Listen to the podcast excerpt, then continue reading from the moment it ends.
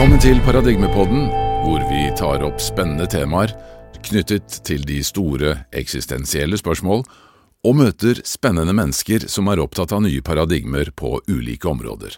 Mitt navn er Terje Toftnes.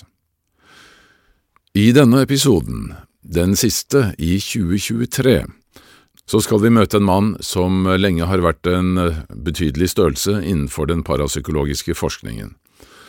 Professor Chris Roe underviser i parapsykologi ved universitetet i Northampton i Storbritannia, og er også president i det engelske Society for Psychical Research. Han er også direktør for Senteret for Study of Anomalous Psychological Processes, og er også lektor og kursleder for Northamptons mastergrad i transpersonlig psykologi og bevissthetsstudier. Forskningen hans ved Northampton har vært konsentrert rundt eh, unormale opplevelser og har omhandlet temaer som spiritualitet og fenomener som oversanselig persepsjon og psykokinese. Han har også tidligere vært redaktør for tidsskriftet til Society for Psychical Research, så det er ingen overdrivelse å si at han absolutt er en av tungvekterne innenfor dette området, ikke bare i England, men også i hele verden. Så det er stor glede jeg kan ønske velkommen til Chris Roe. So it's very good to have you, Chris. And um, uh, I would like to start with asking you, uh, as a professor of psychology, what brought you into this field of uh, parapsychology in the first place? Well, not really, uh, based on personal experiences. Uh, I know there has been a generation of parapsychologists who came to the field because they had quite profound experiences, often in childhood, that they really struggled to understand or make sense of. Mm. Um, and that hasn't been my experience. My experience instead was to start with a love of science and to think that science was a very powerful tool for understanding the world and understanding ourselves yep. and should be used to tackle those uh, most mysterious of problems or challenges. Mm-hmm. So, the origins of the universe, for example, or uh, the, the nature of the cosmos, but also the nature of our inner world. Yeah. So, what is consciousness? Who are we as persons? Uh, and how are we best to understand that? And when you get to that point, you then immediately go to what are the most challenging phenomena associated with consciousness, and they seem to be parapsychological. Mm. Those experiences that seem to suggest that we can transcend those normal boundaries of time and space. Yeah. So, um, what, what what would you say is the most precise definition of, of parapsychology then? So, being based in the psychology department, it's very much about people's lived experience. Mm-hmm. So, for me, parapsychology is the scientific investigation of experiences that seem to be paranormal.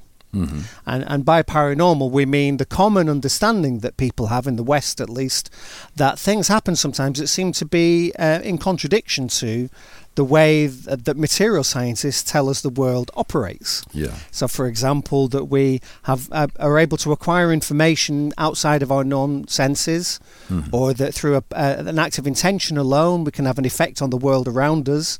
Both of those are clearly impossible, and yet they happen. Mm-hmm. And especially that consciousness is a product of brain activity, so that when the brain perishes, so do we, all our personality and intentions and hopes and fears. And yet there are very many types of phenomena that seem to suggest that possibly some aspect of personality does survive. And those sources of evidence really need to be taken seriously and considered very closely. So that's what you're doing at uh, uh, the uh, University of Northampton, taking that, these the things uh, seriously. And could you tell us a little bit about your uh, the type of research that you uh, have been doing? Well, it spreads across the whole gamut. So we've done, uh, we can go into more detail later.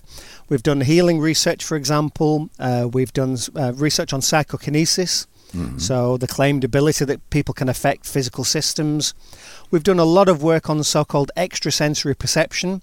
Uh, so, can people acquire information under restricted conditions where we're pretty sure there's no normal way for communication to happen? Yep. And we're pretty convinced that we have evidence for it. One form of that is so called precognition where the information you're trying to acquire lies in the future. It hasn't yet even been determined, and that doesn't seem to be a barrier to success in our experiments. Uh, and behind that, we've also had a long standing interest in survival.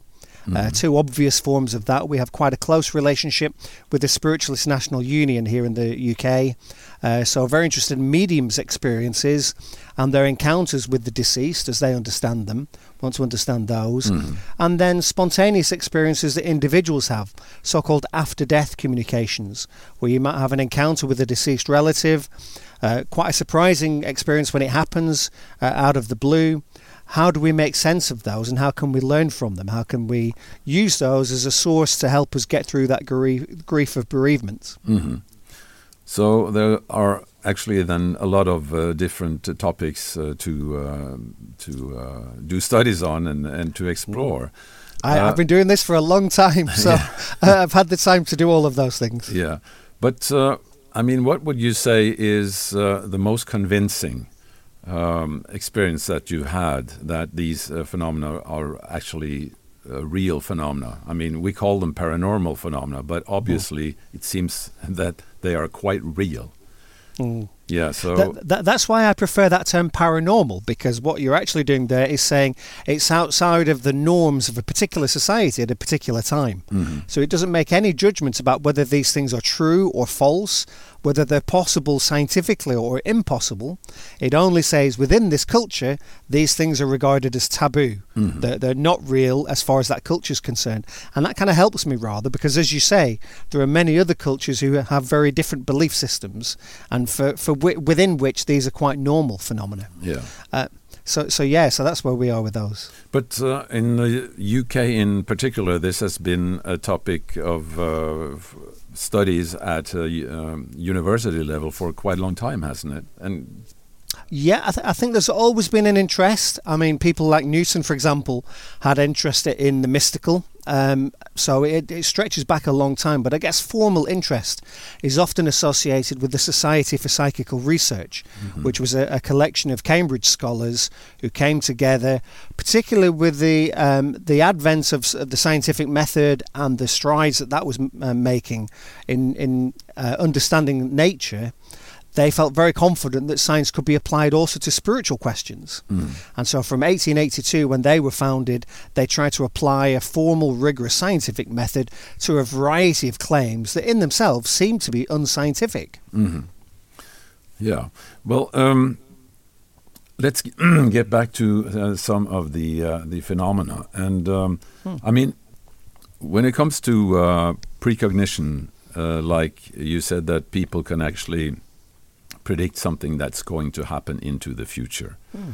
How would you, as a, someone who has studied this for a long time, how, how would you explain this? How, how can how can we really uh, try to interpret or understand what's actually going on? I, I think it's really difficult. It's what we in, in the UK would call a chicken and egg situation. People sometimes criticize parapsychologists for making theories without a sufficient database and then mm. also for um, having a collection of data and no theory to explain them. Mm. Um, I'm very much an empiricist, so my task mainly is to gather data and then allow other people to offer an explanation of it. Um, and within that, there's, there's a two stage model that Gertrude Schmeidler, a researcher from the kind of 60s and 70s, uh, popularized, which is that um, psi phenomena themselves, so um, how people can acquire information, seems to be relatively unknown. It may make sense in terms of quantum mechanics in some way. Who knows? I'm certainly no expert, and I'm not going to suggest that. Um, but we know that once the information enters the organism, it will be processed in pretty much the same way as other conventional information. Okay. And we can do a lot of interesting work, for example, in looking at how uh, the human being processes unconscious information and makes that available to consciousness.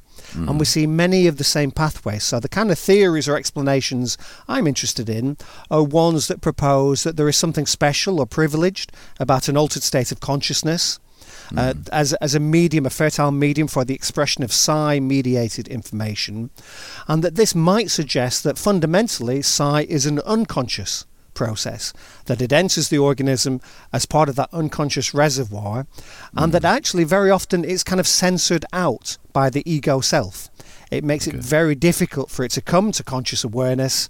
Um, so we, we're not really aware necessarily when we make a, a whimsical decision You know, mm. we decide to stay in a bookshop for a little bit longer, browsing the bookshelves, and then leave the bookshop and bump into somebody by accident that yeah. we didn't know was passing. Well, who knows if that truly was accidental? Maybe that whimsical stopping in the bookshop a bit longer was mm. premeditated in some way. Your, your behavior changed, but you didn't need to think, if I hang around, this thing will happen for me later. It just mm. happens anyway. So, this is what we call uh, synchronicity. Is that right? Well, certainly, like that. yeah, that certainly could be a label for it. Yeah, for, mm. for some instances of it, and um, I think people would understand it in very different ways. They might talk about intuition or gut feelings about things, things that are very difficult to articulate or express, or for which we don't necessarily have a very clear uh, cognitive impression but mm. nevertheless we feel compelled to act in, in different ways. And that's mm. only been very impressive in the case collections that we've worked with, is that sense that people have this inkling that something's wrong, and it's um, such a, a, an, an, impressive sensation that people feel compelled to act on it. They hmm. completely mm. change their behaviours, they do things they didn't plan to do just because of that inkling. Yeah, yeah. Well, um, I know that, uh, as you said already, that you have studied different topics, and, and one of the uh, the topics that are very kind of up, up to many people's mind these days uh, are the uh, these so-called near-death experiences. Yeah, so we haven't worked directly with near-death experiences in a great deal of depth. So uh, I've certainly been involved in one or two projects where we've collected spontaneous cases, so people who've had that experience in their regular life, and we mm. try and document those and map them look for common features of those experiences, and particularly to try and map the environmental circumstances to see if they give clues as to the best explanation. Mm. So, for example, is it related to particular health conditions? It's more likely. Is it due to a particular medication strategy that's being adopted that might cause cause these transformations? Mm. Um, and particularly, can we find evidence that suggests something that goes beyond something that's purely imaginary? Yeah. You know, so it is possible. We know, for example, that uh, people may have some vestigial hearing, even when they're deeply unconscious. Maybe they're anaesthetized, and mm. it may be that at some level they're able to construct a, a vision of the circumstance, say, of an operation, just based on the auditory information that's coming in to that person's that patient because they're not, they're not completely unconscious.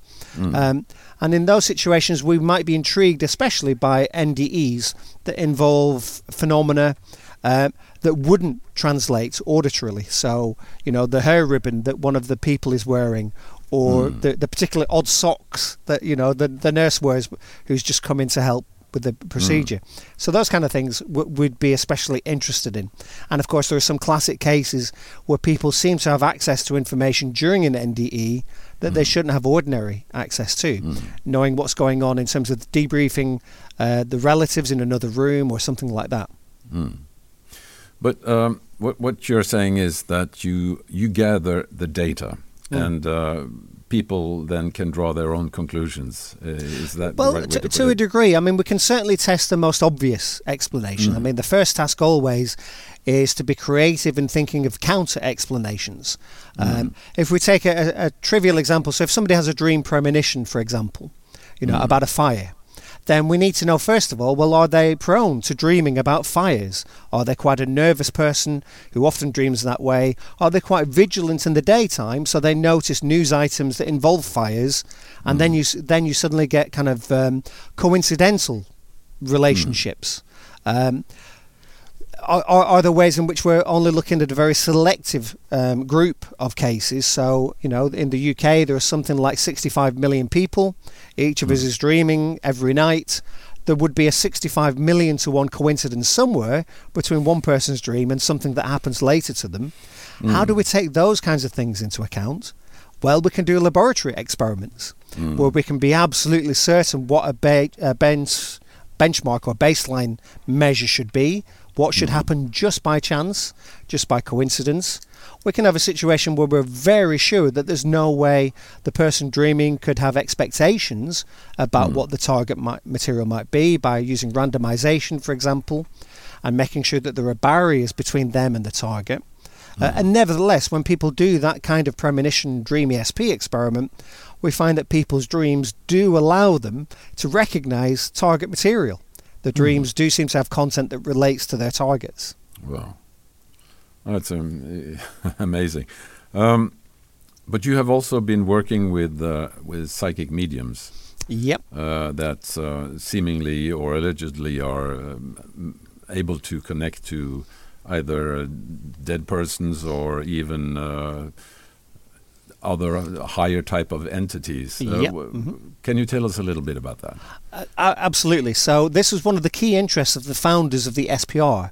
So they've been sitting with mediums since the 1880s. Mm-hmm. And although there's been upswells and downturns in interest in working with mediums, we have accumulated an enormous database of what we'd call proof oriented research. You know, and this typically goes along the pathway well, do the mediums generate information which is unique or specific to this individual? Is it also true? Can we rule out the possibility that they've been cheating, that they've been gathering information using intelligence sources in advance? Yep. So that kind of work's been going on for a long time. One of those upswells of interest happened in the 21st century. So there's a real um, vibrant uh, group of researchers collecting exactly that kind of data. Mm. But we haven't been collecting that kind of data because one more bucketful of water poured into the ocean isn't going to make much of a difference. So instead, we've been focusing on the phenomenology of mediumship. And mm-hmm. this is against the backdrop that for many people, when they have a paranormal experience, the typical reactions of other people are to ridicule them, that in some yeah. way they're credulous for claiming this is paranormal, or that it's a sign of pathology that there's something mentally wrong with them, there's something neurologically wrong with them. And this is really challenging. So, with a medium, for example, if they were to speak to a GP or a psychiatrist and say, Well, I can see things other people can't see, I hear voices that are not coming from me, they're externalized, I have embodied feelings that I know are not myself. Mm. Well, then you, are very likely to get a clinical diagnosis as a result mm. of that yeah, process. Of and yet, what we've found from our research is that mediums actually present as psychologically more healthy, more well than the average person. Yeah. You know, so more healthy than other spiritualists who don't have the experiences, and more healthy than the average person on the street. Mm. So we've been very interested to understand well, what is the nature of your relationship with your experiences? How do you, do you negotiate or interact with the voices that you hear? And how does that give rise to this very healthy state that you're in? And, mm. and we found that to be very powerful. And as part of that journey, we've started to collect neurological data as well. So to okay. only fairly superficial EEG kind of experiments, but nevertheless ones that can confirm, for example, that when a medium enters a trance state, either a light trance maybe for communication or a deeper trance for healing, that something physiologically does actually happen. It's mm. not just their imagination. They truly are shifting in, in their state of consciousness, and we can document that objectively. And that's really rewarding, I think, for the mediums that we work with, that we can provide evidence that reassures them that they're not just fooling themselves. Mm. Well, yeah, that's very, very helpful and useful, of course. Um, apparitions is also uh, a field that uh, I know there you have been doing uh, research on. Could you say a little bit about that? Absolutely. And again, this reflects this kind of backdrop that uh, people very often might have an apparitional experience. They're quite common experience, particularly during bereavement. Up to 50% of people who are bereaved are likely mm. to have an after death communication type of experience. But they're still quite surprising because people don't talk about these phenomena as something that might possibly happen.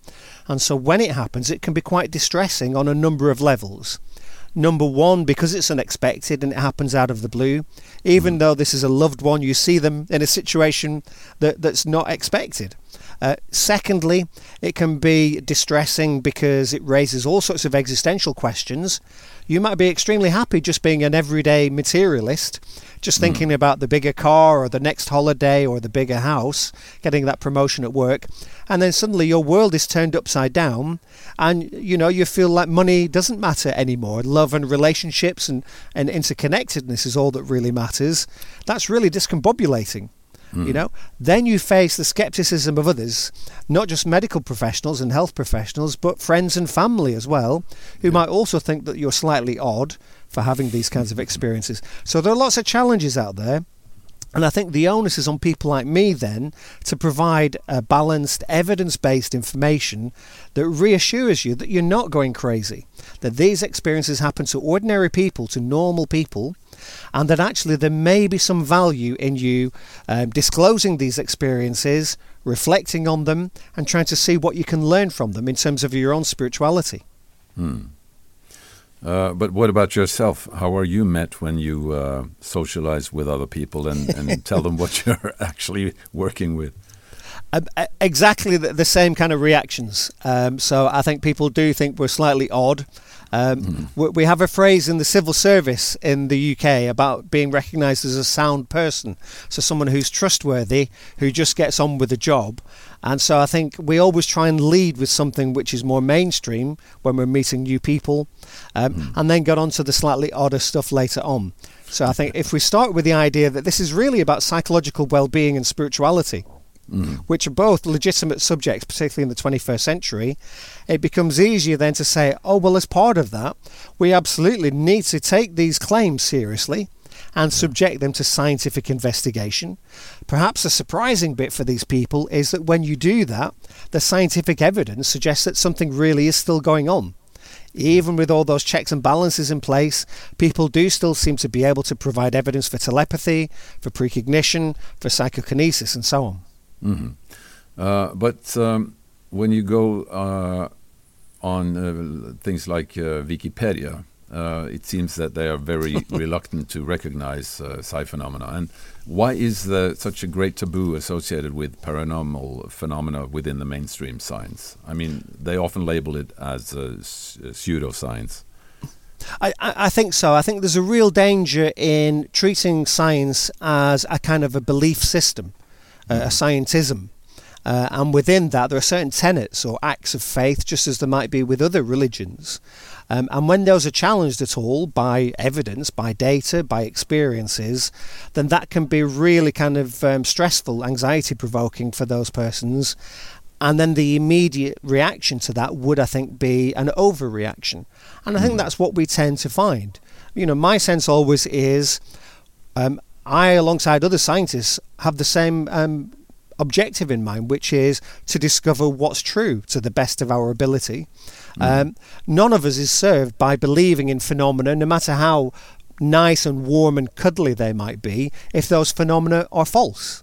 You know, mm. so I would rather know accurately whether telepathy is possible, whether we have some aspect of personality that survives death, so that none of us are wasting our time.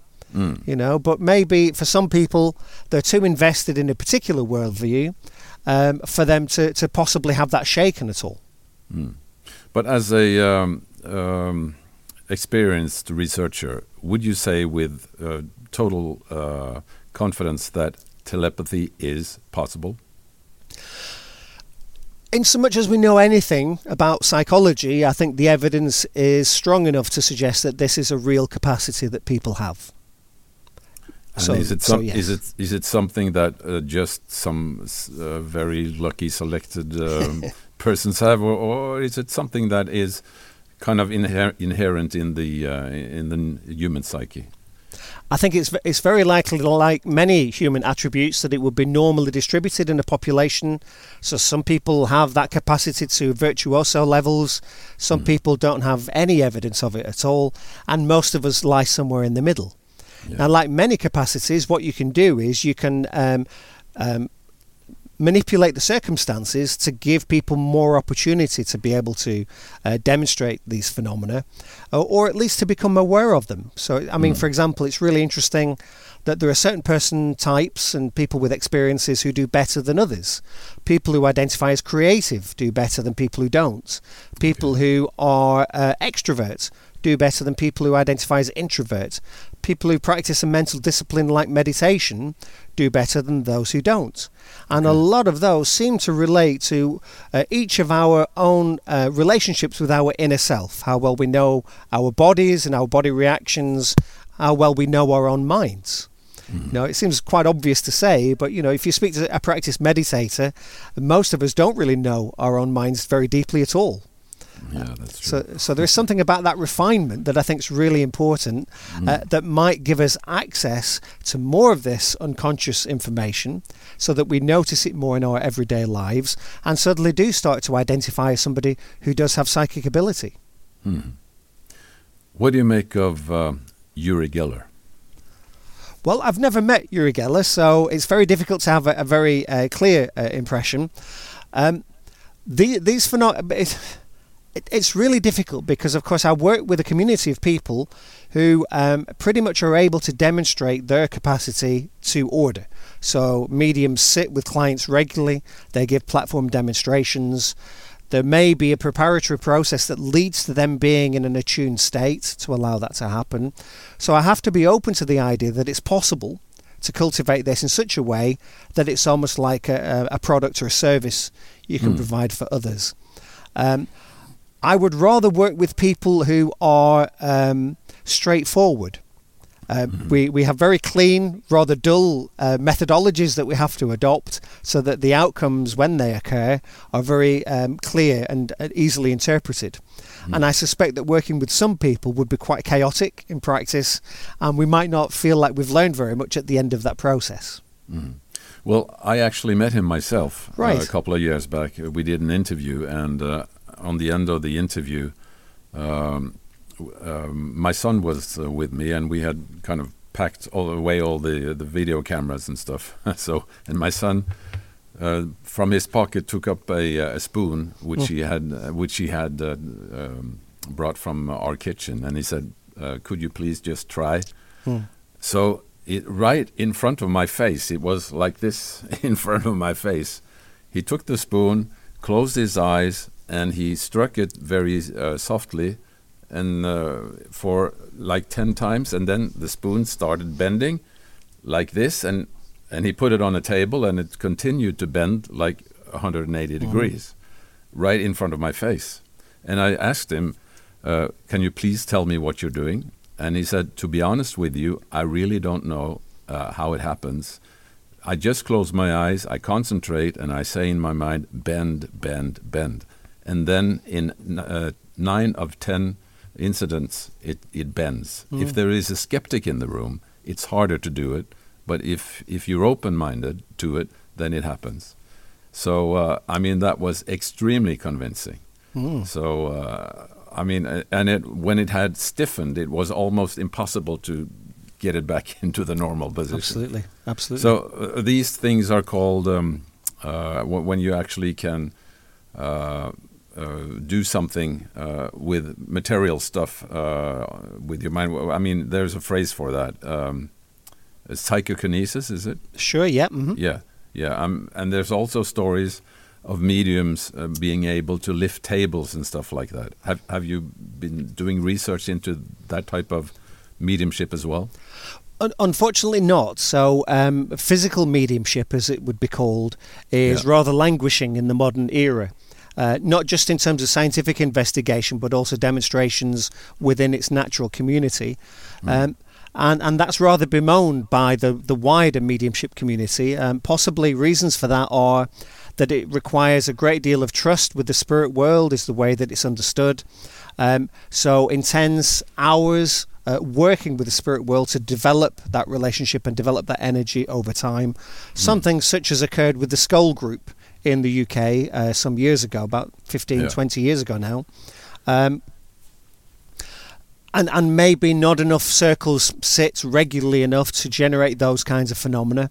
Unfortunately, the very few um, such claims that have been investigated in recent times haven't been very positive.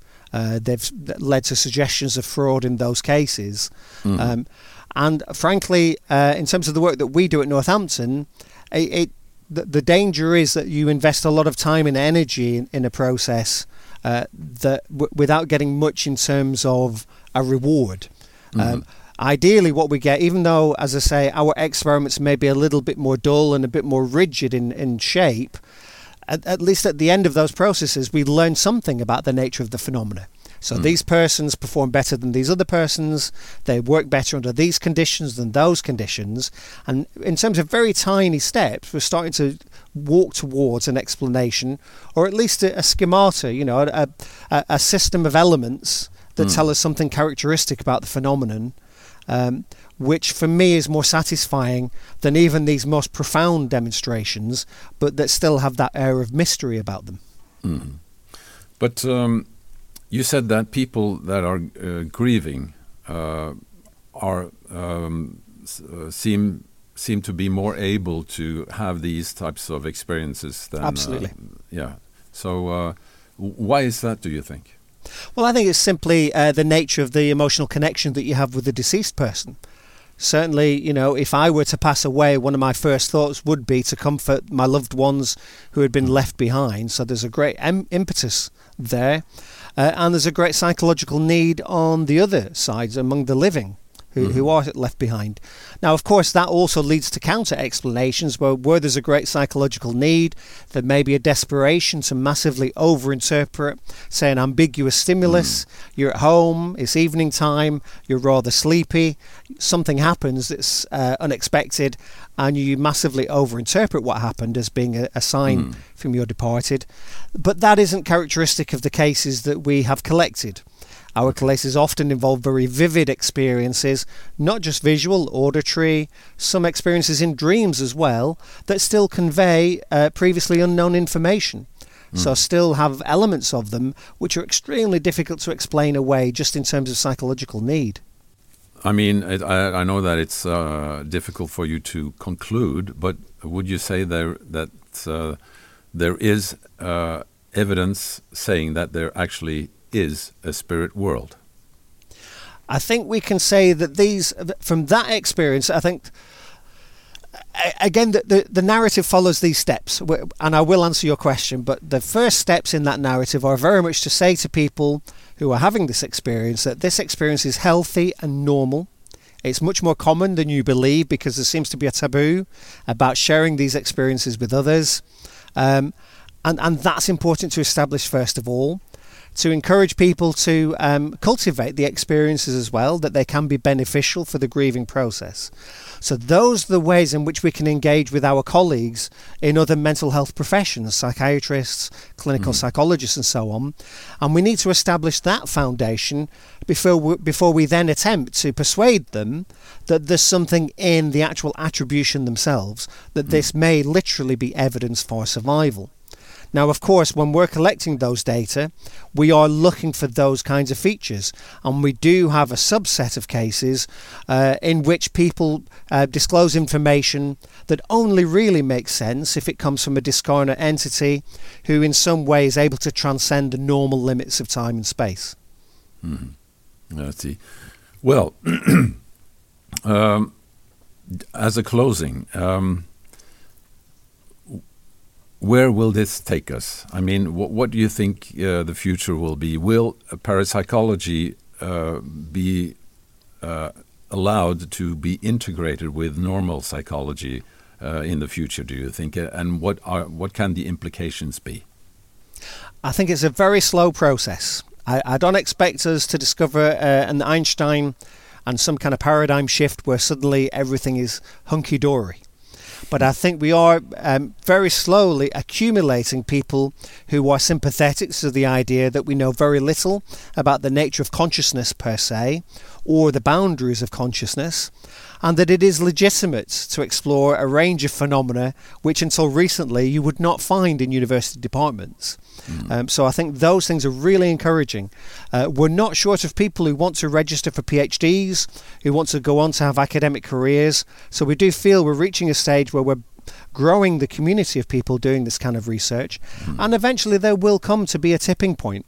You know, the world is as it is, nature is as it is. If mm. this is a, pro- a property of nature, then it won't go away just because some people are putting their fingers in their ears. Mm. You know, it'll still be there, uh, uh, nagging away, and eventually it will have to be acknowledged. Perhaps not in my lifetime or your lifetime, but in maybe some of the listeners' lifetimes. Yeah, well, great. Uh, just one last question: Is it hard to get funding to do this type of uh, of science? I, I, we've never had a single penny from uh, government sources for the research that we do. We've com- been completely reliant on charities uh, or individual benefactors. Um, so it's been extremely difficult to eke this out. I, I, feel particularly for people trying to get a start in this area, because in many areas of psychology it would be fairly straightforward to get a studentship to allow you to study for a PhD for three or four years. It's almost impossible in parapsychology, so very often people are self funding because they're so invested in this as an important topic. Um, if there are any benefactors out there looking to support people, not just here at Northampton, but at any kind of active university department, you know, this would be a, real investment in our future and in the discipline. Okay, so uh, what which other uh, universities are are uh, having this on, on in their palette? So to say. Yep. So there are centres in Sweden, for example. So we have the University of Gothenburg and Lund University in Sweden have very strong centres in the UK. There are a number of university departments, including Greenwich, Coventry, Derby, and of course Edinburgh, which has been a centre for some time, as well as the University of Northampton. Mm. Uh, in France, there's a group down at um, the University of Nancy. Um, who are developing an interest, particularly around clinical psychology. Uh, and of course, in Germany, we have a group in Freiburg who are very well known. So there are a number of little pockets. Of course, in relation to some other disciplines, this is just a tiny number of communities. Mm but it's it's a foothold. It's giving yeah. us a start, and there are like-minded peoples, people who are kind of um, intellectually curious, but still skeptical. You know, you have to make the case, and you have to have the evidence to back mm. up a claim, but nevertheless, who are open to the possibility that so, some of these things are worthwhile. And where can people get some more information about this?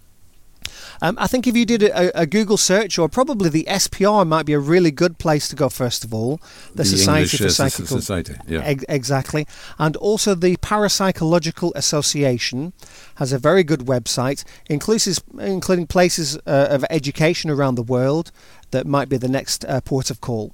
Mm. Uh, but if people do want to get in touch by email, they're very welcome to, and we try and reply to all emails that we get. Well, thank you so much, uh, Chris. Uh, it's been so uh, good and interesting to talking to you, and I wish you all the best of luck with your future work. Thank you. Thanks for inviting me. Thank you so much. Ja, tusen takk igjen til uh, Chris Rowe. Og for de som eventuelt skulle tvile på at uh, parapsykologisk forskning er seriøs nok, så så vil jeg bare anbefale å eh, se litt nærmere på det arbeidet som utføres blant annet ved Northampton-universitetet. Denne forskningen har jo pågått i over 100 år ved ulike universitet og institusjoner i Storbritannia, og er fremdeles et verdifullt bidrag når det gjelder å forstå den menneskelige syke og hvordan såkalte paranormale fenomener opptrer i dagliglivet. Vel, mer om dette og disse fenomenene skal vi nok komme tilbake til i flere runder her i Paradigmepodden. Så vil jeg gjerne få opplyse om mitt eh, foredrag som jeg skal holde på Litteraturhuset i Oslo den 14. Eh, februar eh, klokken 19. Det handler om veldig mange av disse tingene som vi er veldig opptatt av her i Paradigmepodden.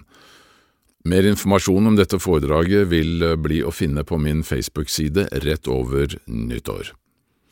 Da vil jeg eh, bare avslutte med å igjen minne om vårt vips nummer som er 524005, 524005, for de som ønsker å støtte denne podkasten videre.